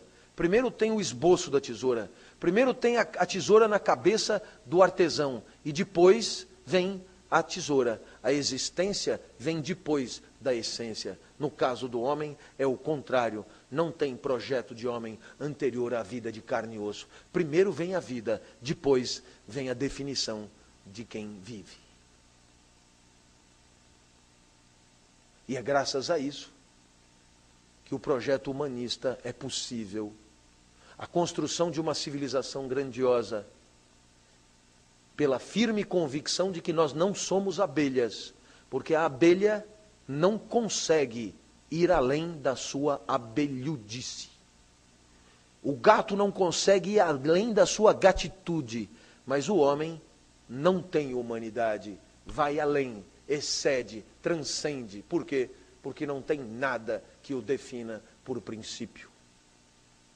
Talvez seja por isso que você tenha percebido que na hora de você se definir, não é a natureza que você conta. Um gato, para se definir, só pode se definir pela sua natureza instintiva. O homem. O homem poderia até dizer: Ah, eu sou, eu sou peristaltismo, sou circulação sanguínea, sou mitose e meiose, sou angústia, mas não é isso que se quer saber. O que as pessoas querem saber de você é o que você fez da vida. E o que você fez da vida é o seu projeto grandioso de vida pessoal. Projeto que é seu, por quê? Porque justamente você não está encapsulado pelo seu instinto. Ora, meus amigos, é exatamente nessa perspectiva antropocêntrica que a modernidade vai desfilar as suas figuras maiores. Eu acho que você entendeu que nessa fileira e nesse pensamento, a razão humana, no projeto humanista e na revolução científica, a razão humana, ela atinge o, o, o, o pico do seu prestígio. É graças à razão que o homem pode construir uma vida perfeita e uma civilização perfeita. Mas, ao mesmo tempo do projeto humanista, alguns filósofos vão pensar diferente. E eu, eu ainda tenho três para comentar antes da gente ir embora. É o que a gente costuma chamar de contra-filosofia. E nessa contra-filosofia eu vou começar com Spinoza, depois com Hume e terminar com Nietzsche. E o que é que Spinoza vai nos ensinar? Ele vai levantar o dedo e vai dizer: a girafa é corpo. É corpo, corpo em trânsito, átomos em movimento e energia vital. Assim é a girafa, a árvore, a meba, o javali, o rinoceronte, os Big Five. E é assim também o homem, um animal como qualquer outro. E, percebeu? Esse é do outro time. Nós somos um só, como o resto da natureza. Não há diferença entre nós e o resto da natureza. Ah, mas professor, e a nossa alma que pensa? É, quiser chamar de alma a atividade pensante do corpo, pode chamar, mas quem pensa é o corpo. Na hora que Spinoza diz que quem pensa é o corpo, herdeiro que é de Demócrito, herdeiro que é de Epicuro, herdeiro que é de Lucrécio, na hora que Spinoza diz quem pensa é o corpo, o que, que ele está dizendo? O pensamento obedece à mesma lógica dos afetos e dos sentimentos. Em outras palavras, Spinoza apresenta aqui a tese do paralelismo, ou seja, eu penso porque eu sinto e eu sinto porque eu penso. Pensamento e sentimento estão absolutamente imbricados, vinculados, mantêm uma relação dialética. Um é causa do outro e o outro é causa do um. Então, se eu quiser saber por que, que eu penso o que eu penso, eu tenho que saber por que, que eu sinto o que eu sinto. Em outras palavras, a nossa potência de agir. Né? É, porque o que, que é a sensação? Vem comigo. O que, que é a sensação? A sensação é uma interpretação que o teu corpo dá para uma oscilação da tua energia vital. Entendeu? Então, quer dizer, a tua energia vital sobe e você sente. A tua energia vital desce e você sente. Então, as sensações são interpretações diferentes para uma senoide de potência de existência. Tesão pela vida.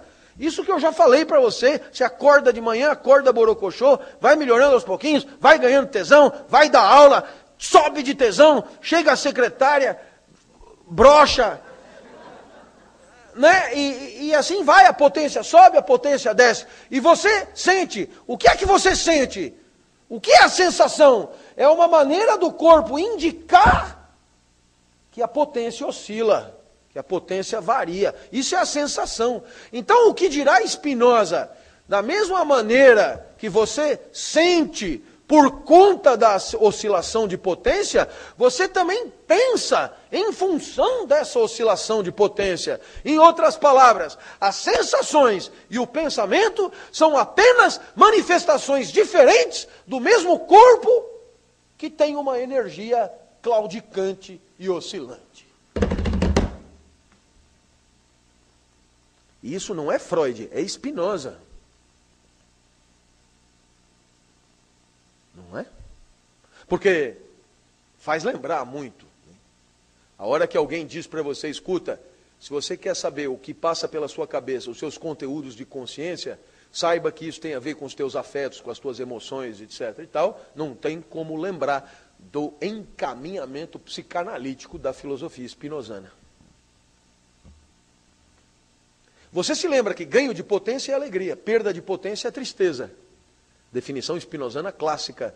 Portanto, dirá Spinoza, a atividade do corpo intelectiva, que eu posso chamar de alma, se você quiser, essa atividade é inseparável das alegrias e das tristezas.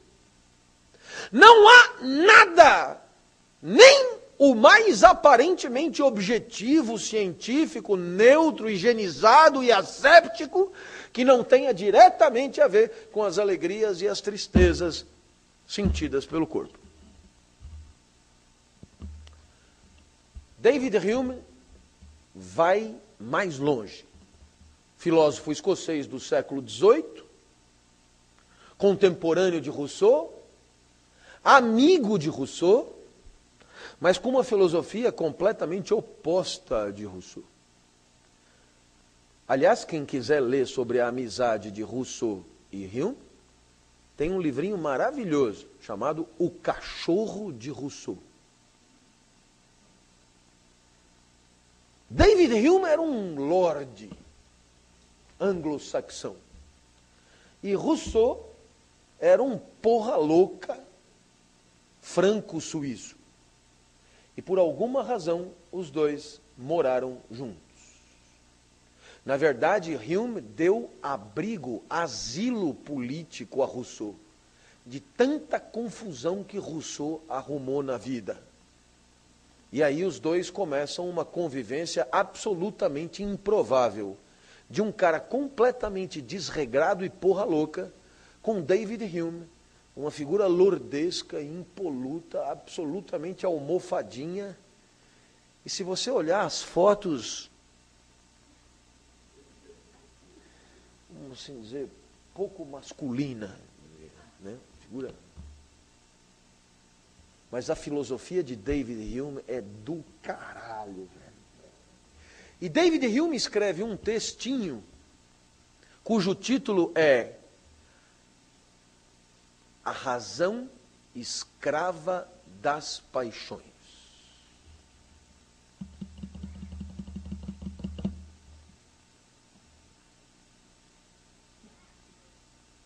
E qual é a tese?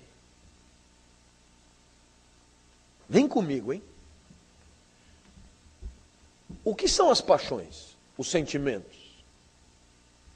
Os sentimentos nada mais são do que uma manifestação da oscilação da energia vital. Portanto, sentimento e paixão é energia em trânsito, energia em oscilação. Quando você tem dor, isso nada mais é do que queda de potência setorizada. O contrário da dor é ganho de potência setorizado. Alegria de um pedaço do corpo. E como é que nós chamamos a alegria de um pedaço do corpo? Quem acertar ganha um abraço. Ah, você nunca sentiu a alegria de um pedaço do corpo? Eu fico preocupado. Não é à toa que a Pfizer anda tendo tanto lucro. Alegria de um pedaço do corpo chama excitação. Dor é tristeza de um pedaço do corpo, porque o corpo nem sempre entristece igualzinho por inteiro, entendeu? Às vezes você tem a tristeza localizada. E às vezes você tem uma alegria localizada. O homem ainda localiza mais a sua alegria. Gozado, é. Ah, é verdade. Pelo que me contaram, eu também nunca fui mulher para comparar, mas acho que é assim. Então, o que dirá David Hume? Vem comigo, velho. Se a, se a sensação é a alegria, se a sensação é a tristeza, e portanto a sensação é a energia, como poderia a razão enfrentar as emoções como se fosse num ringue? De um lado, o tesão, de outro lado, a razão, sabe? A metáfora do anjinho e do diabinho, essa pataquada que atravessa os séculos. De outro lado, a razão. E aí, ora ganha a emoção, e você come o bolo de chocolate inteiro, ora ganha a razão, e você vive uma vida escrota e magra. Né? É, é, é, não é assim. Não é assim. Né? David Hume explica, ao longo da história da filosofia, quem, quem melhor entendeu, até mim, isso, claro, foi Spinoza. Mas Spinoza ainda dá uma negociada diplomática, do tipo, a, a, o sentimento afeta a razão, a razão afeta o sentimento, são mais ou menos a mesma coisa. Não, senhor! Nada disso! A raz, a, o sentimento é a energia e a razão. A razão é uma atividade do corpo, como qualquer outra, que precisa de energia para acontecer. Então, uma briga entre a razão e a sensação é como uma briga entre o motor e a gasolina. Então, o motor chega e diz: Não quero mais saber de você, sua vagabunda. A gasolina diz: Mas tudo bem. E o motor não funcionará.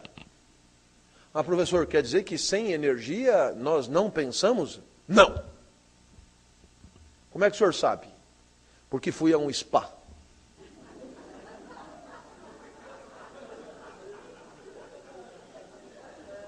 Eu fui a um spa em Sorocaba e me condenaram a 300 calorias. Primeiro dia eu falei, isso aqui é moleza, velho. Estou sentindo nada. Segundo dia, o meu corpo já demonstrava uma certa falta de entusiasmo, e gozado, eu levava um certo tempo para responder às pessoas, sabe? Aí chegou no terceiro dia, eu já estava de saco cheio, peguei David Hume para ler. Texto que eu ensino. E eu li, gozado, eu não entendo o que está escrito. No quarto dia eu já não entendia o jornal. E no quinto dia, para meu desespero, eu peguei o livro de um padre que escreve cartas para um candidato e eu não entendi. E aí eu estava na beira do suicídio, porque eu tinha me idiotizado a um ponto irreversível. Em outras palavras, a minha razão precisava de caloria ou joule para poder funcionar. Eu acho que você entendeu. Como pode essa razão que precisa da energia enfrentar a sensação e dizer: não, eles não competem, não são da mesma natureza. A razão nada mais é do que um atributo humano privilegiado para permitir que as sensações sejam as melhores possíveis. Só isso. A razão vai permitir, dirá David Hume, aquilo que Freud vai chamar depois de justificação. A razão vai permitir que você encontre uma justificação para os afetos, aceitável por você, questão moral, e pelos outros, questão ética. Mas o tesão é soberano e a razão é um instrumento para tornar o seu tesão aceitável. Porque não sei se você entendeu, nem sempre o teu tesão é aceitável. no que me diz respeito, quase nunca. Só em matéria de glúteos femininos, há um milhão deles que desfilam diante de mim.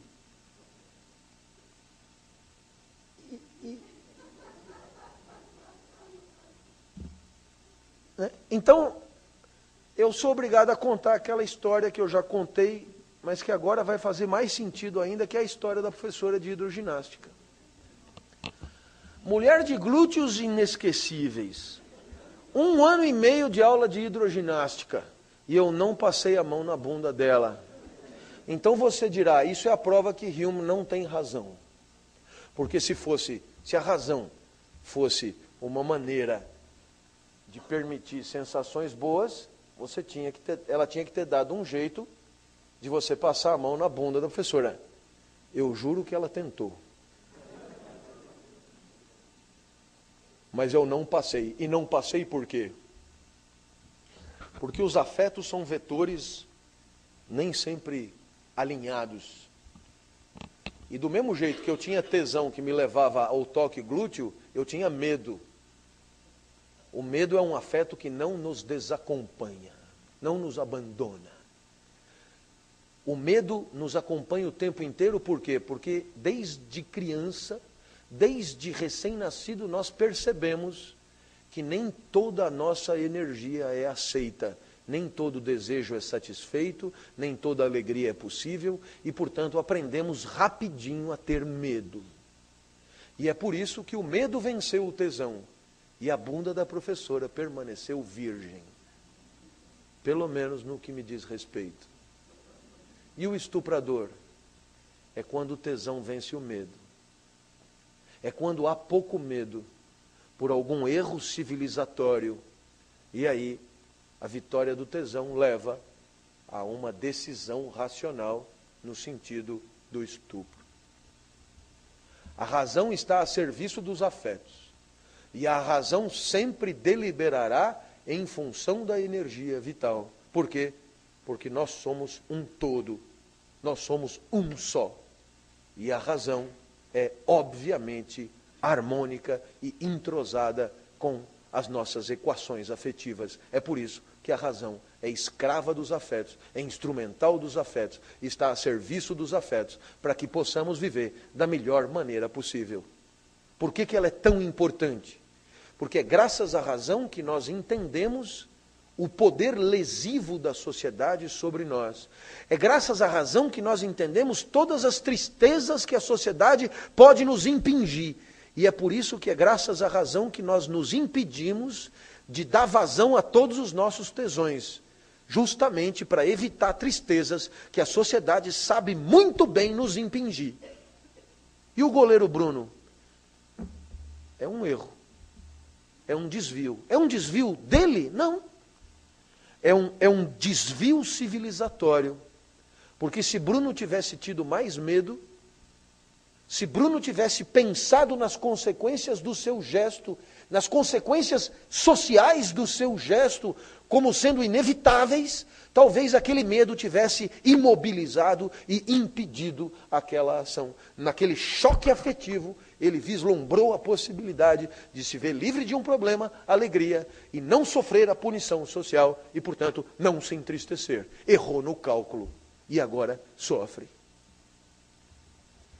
E nós que não desossamos ninguém, nós aparentemente aprendemos a ter medo o suficiente para não fazer isso. Reflexão de David Hume.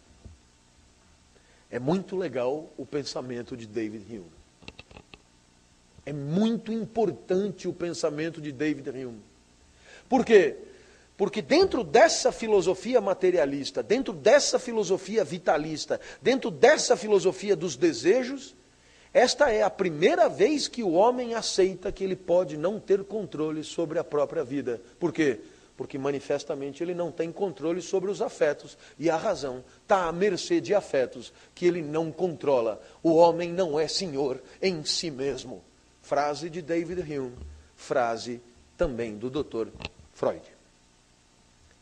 O último autor do nosso encontro é Nietzsche.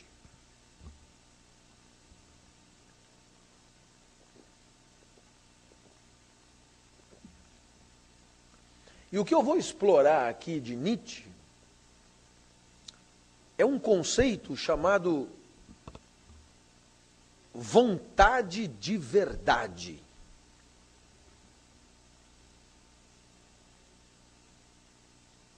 Em que consiste isso? A reflexão é simples: o homem sempre buscou a verdade. E o que, que o homem sempre entendeu por verdade?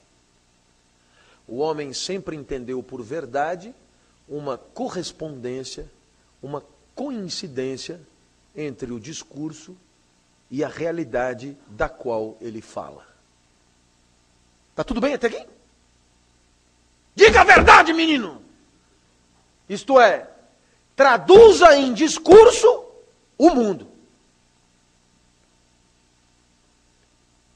O que acontece é que esta busca da correspondência entre o mundo e o discurso é obviamente absurda.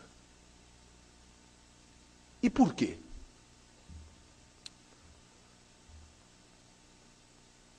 Porque o mundo não se deixa traduzir em palavras. Não entendi, professor. Eu vou começar pelas coisas mais óbvias. E nós poderíamos, então, citar o exemplo de uma banana.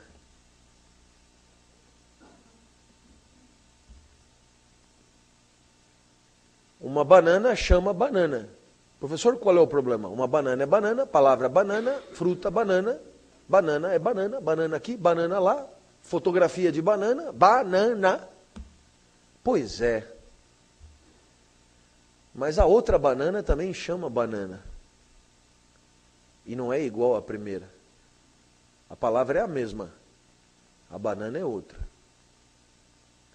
E a outra banana também chama de banana. Existem infinitas bananas. E todas chamam banana e aí tem um problema. Qual das bananas corresponderá à palavra banana? Você só pode concluir que nenhuma.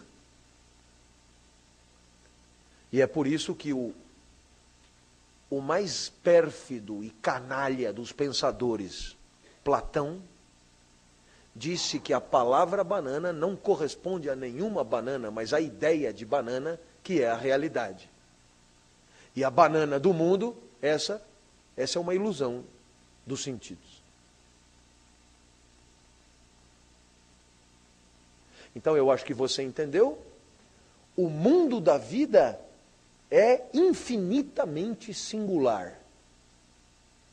E, portanto, não há como as palavras corresponderem a esta infinita singularidade. E mesmo que você desse a cada banana um nome diferente, haveria um outro problema. A linguagem perderia a sua função comunicativa, porque ninguém decoraria nome de infinitas bananas diferentes. Portanto, para que a linguagem permita a comunicação, é preciso que ela estupre o mundo.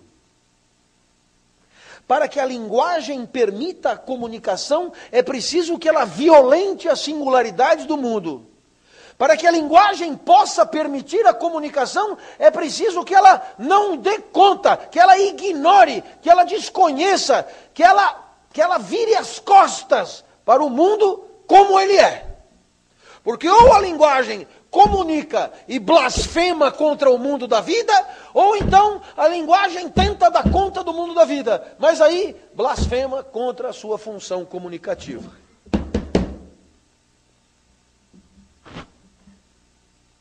Quando a diversidade do mundo é muito escandalosa, a gente chama de banana nanica, banana ouro, banana prata, porque fica muito evidente que não são as mesmas bananas.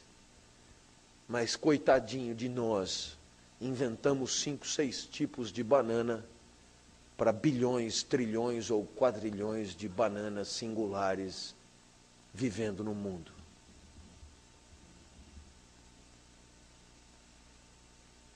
E isso não parou por aí. Mesmo que conseguíssemos dar um nome para cada banana, haveria um segundo problema. Você põe a banana Geralda em cima da mesa. No dia seguinte ela apodreceu. E não é mais Geralda. Geralda morreu. E você tem que continuar chamando de Geralda. Do mesmo jeito que você tem que continuar chamando de banana. Bananas que só deixam de ser, que só apodrecem, que se transformam. O mundo não para de se transformar. Eu digo o mundo da vida. O mundo da vida não para de se transformar e a linguagem não tem outro remédio senão permanecer a mesma. As bananas apodrecem, a palavra banana não apodrece. Portanto, não pode haver correspondência entre o mundo e a linguagem. E se a verdade é a correspondência entre o mundo e a linguagem, a verdade é uma impossibilidade. É do caralho, né? Do caralho. E por que que isso aconteceu? Quando surge a linguagem, explica Nietzsche, que sempre admira muito os anteriores a Sócrates e Platão. Quando surge a linguagem, como é que a coisa aconteceu? Aconteceu assim. As pessoas precisavam se comunicar mas elas sabiam que o mundo da vida não facilita a comunicação. Então, quando a linguagem surgiu, surgiu assim: olha, eu sei que eu estou morrendo. Eu sei que eu estou envelhecendo a cada segundo. Mas só para você saber, vamos me chamar de Clóvis. Mesmo sabendo que Clóvis não corresponde a nada o corpo de Clóvis se transforma, o pensamento de Clóvis muda, tudo em Clóvis muda, mas só para facilitar, vamos chamar tudo isso de Clóvis para comunicar, sem a pretensão de que Clóvis ingesse o mundo da vida. Porque é claro que Clóvis não pode corresponder a nada. Não é para corresponder, não é para verdade, é só para você ter uma ideia do que, que eu estou falando. Acontece que as gerações foram passando e foram esquecendo de contar o início. E foram começando a simplificar a coisa. Isto, banana, que nem a professora do primário. banana. E mostra a fotografia. E a professora do primário não faz, e não faz porque não sabe. Ela não sabe dizer, olha, presta atenção, velho. A gente chama isso aqui de banana, mas tem um problema aqui. Cada banana é singular, cada banana é uma realidade própria, as bananas apodrecem e, portanto, não há como dar conta dessa complexidade bananística. Né?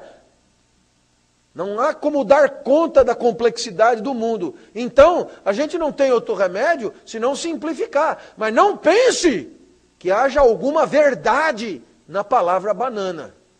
É só para facilitar. Então perceba, a linguagem surge como um instrumento de comunicação sem pretensão de verdade. Pouco a pouco, no entanto, a verdade foi sendo considerada uma possibilidade e, finalmente, o golpe de misericórdia, a verdade tornou-se uma regra moral. Uma impossibilidade converteu-se num dever. E aí, é claro, você dirá: como é que eu posso ter que dizer a verdade se dizer a verdade é impossível? negando o mundo da vida, negando o fluxo, negando a transformação, negando a singularidade, negando, esquecendo tudo isso, fingindo que não existe e passando a viver só no mundo da ilusão, só no mundo das ideias, só no mundo das verdades, só no mundo que não é o mundo da vida. Culpa de quem? dos dois asquerosos, Sócrates e Platão. E a pergunta que encerra essa aula é: a quem poderia interessar que a verdade se convertesse no alfa e no ômega da vida moral do homem? A quem poderia interessar? Me diga, você já sabe. Quem é que poderia exultar com a negação do mundo da vida e com a busca desenfreada de verdades absolutas? Quem poderia curtir isso? Quem poderia levar vantagem com isso? Diga! Todo aquele que no mundo da vida se fode. Os tristes, os fracos, os feios, os podres os cagados. Esses é que inventaram essa bosta toda. A leitura aqui, eu vou recomendar três textos na sequência. E você vai ler, senão nem venha na próxima aula. Porque eu vou botar dez aqui em fila para fazer arguição. Primeira coisa que você vai ler é o capítulo 10 do mais brilhante livro escrito no mês de janeiro. A vida que foi. O segundo texto que você vai ler é de uma amiga minha, um texto bem menos divulgador e bem mais. É, é uma tese de doutorado já, né? É, esse, esse livro é, é, magnífico e a sua autora é, é mais magnífica. Ela chama Viviane Mosé. Deve ter um pouco menos que a minha idade. Ela é capixaba e muito amável. Viviane Mosé escreveu Nietzsche, a grande política da linguagem. E finalmente você vai. Aí, aí é, o, é o momento de glória. Você vai entrar na livraria mais pomposa de BH. Não é livraria de aeroporto, não. É livraria cult. Entendeu? e você vai chegar para o vendedor, não vá buscar você mesmo não, para todo mundo ver.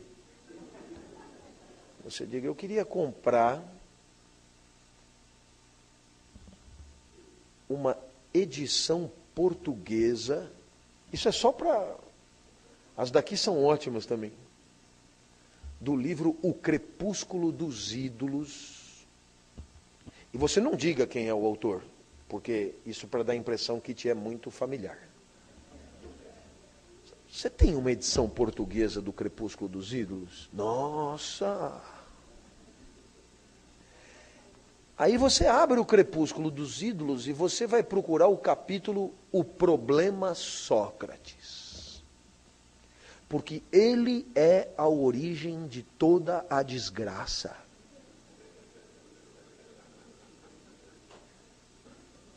E por que que Sócrates é a origem de toda a desgraça? Porque no mundo da vida, Sócrates era medonho. Isso é Nietzsche falando. Sócrates era horroroso. Sócrates era encurvado, narigudo, horrendo, fraco, estúpido. Sócrates não tinha nenhuma condição de triunfar na ágora, de enfrentar os sofistas. Sócrates não tinha potência, não tinha vida, não tinha tesão. Sócrates era um bosta. Então o que fez Sócrates? Inventou uma, uma engenhoca macabra, que é o mundo das ideias, o mundo das verdades, e fez todo mundo acreditar que a realidade são as ideias, as verdades que só ele sabe. E o mundo da vida, o mundo das emoções, o mundo da terra, o mundo da carne, é uma ilusão de ótica. E o que é pior, ele teve sucesso. Por que, que ele teve sucesso? Porque ele fez uma legião de fãs. E quem são os fãs de Sócrates? o resto da caterva. É o verdadeiro sindicato dos cagados e dos bundões. Os fracos, os covardes, os, os acanhados, os monstros. Esses insatisfeitos com a própria cara, insatisfeitos com o que enxergam no espelho, esses desgostosos do mundo da vida, esses inventaram outro mundo para eles, eterno, sem força, sem tesão, sem pulsão, sem amor, sem eros, sem desejo, sem trânsito, sem luta, sem conflito, o mundo das ideias, aonde todos poderiam se abrigar covardemente. Porque é sempre um covarde a inventar a moral é sempre um covarde a criar regras para o comportamento. Porque quem tem tesão e força não tem tempo para criar regras sobre o próprio comportamento. E é o mesmo covarde que inventou a moral que inventa também a verdade, sem perceber que tudo o que se diz sobre o mundo nada mais é do que só e apenas um ponto de vista um ponto de vista determinado pelas vísceras, pela potência, pela força de dentro, porque só podemos ver o mundo com os olhos que são os nossos, e com a força vital que é a nossa, e com o corpo que é o nosso, e portanto não há verdades absolutas, mas há simplesmente interpretações e visões do mundo que são o resultado da nossa alegria, da nossa tristeza, da nossa força e da nossa vida, porque ninguém transforma transcende a própria vida, porque tudo é imanente à vida e toda busca de verdade absoluta é só uma estratégia para escravizar aqueles que poderiam ter força, tesão e arte, fazendo da vida uma verdadeira obra de arte obra de arte do próprio desejo, das próprias pulsões, do próprio tesão e da própria vida. Os covardes que viram a cara para o mundo da vida, que blasfemam contra o mundo das pulsões, foram esses que inventaram a verdade para escravizar os fortes. E o que é mais triste, com enorme êxito até hoje. Muitíssimo obrigado pela sua atenção e até a próxima, se Deus quiser. Obrigado. Obrigado.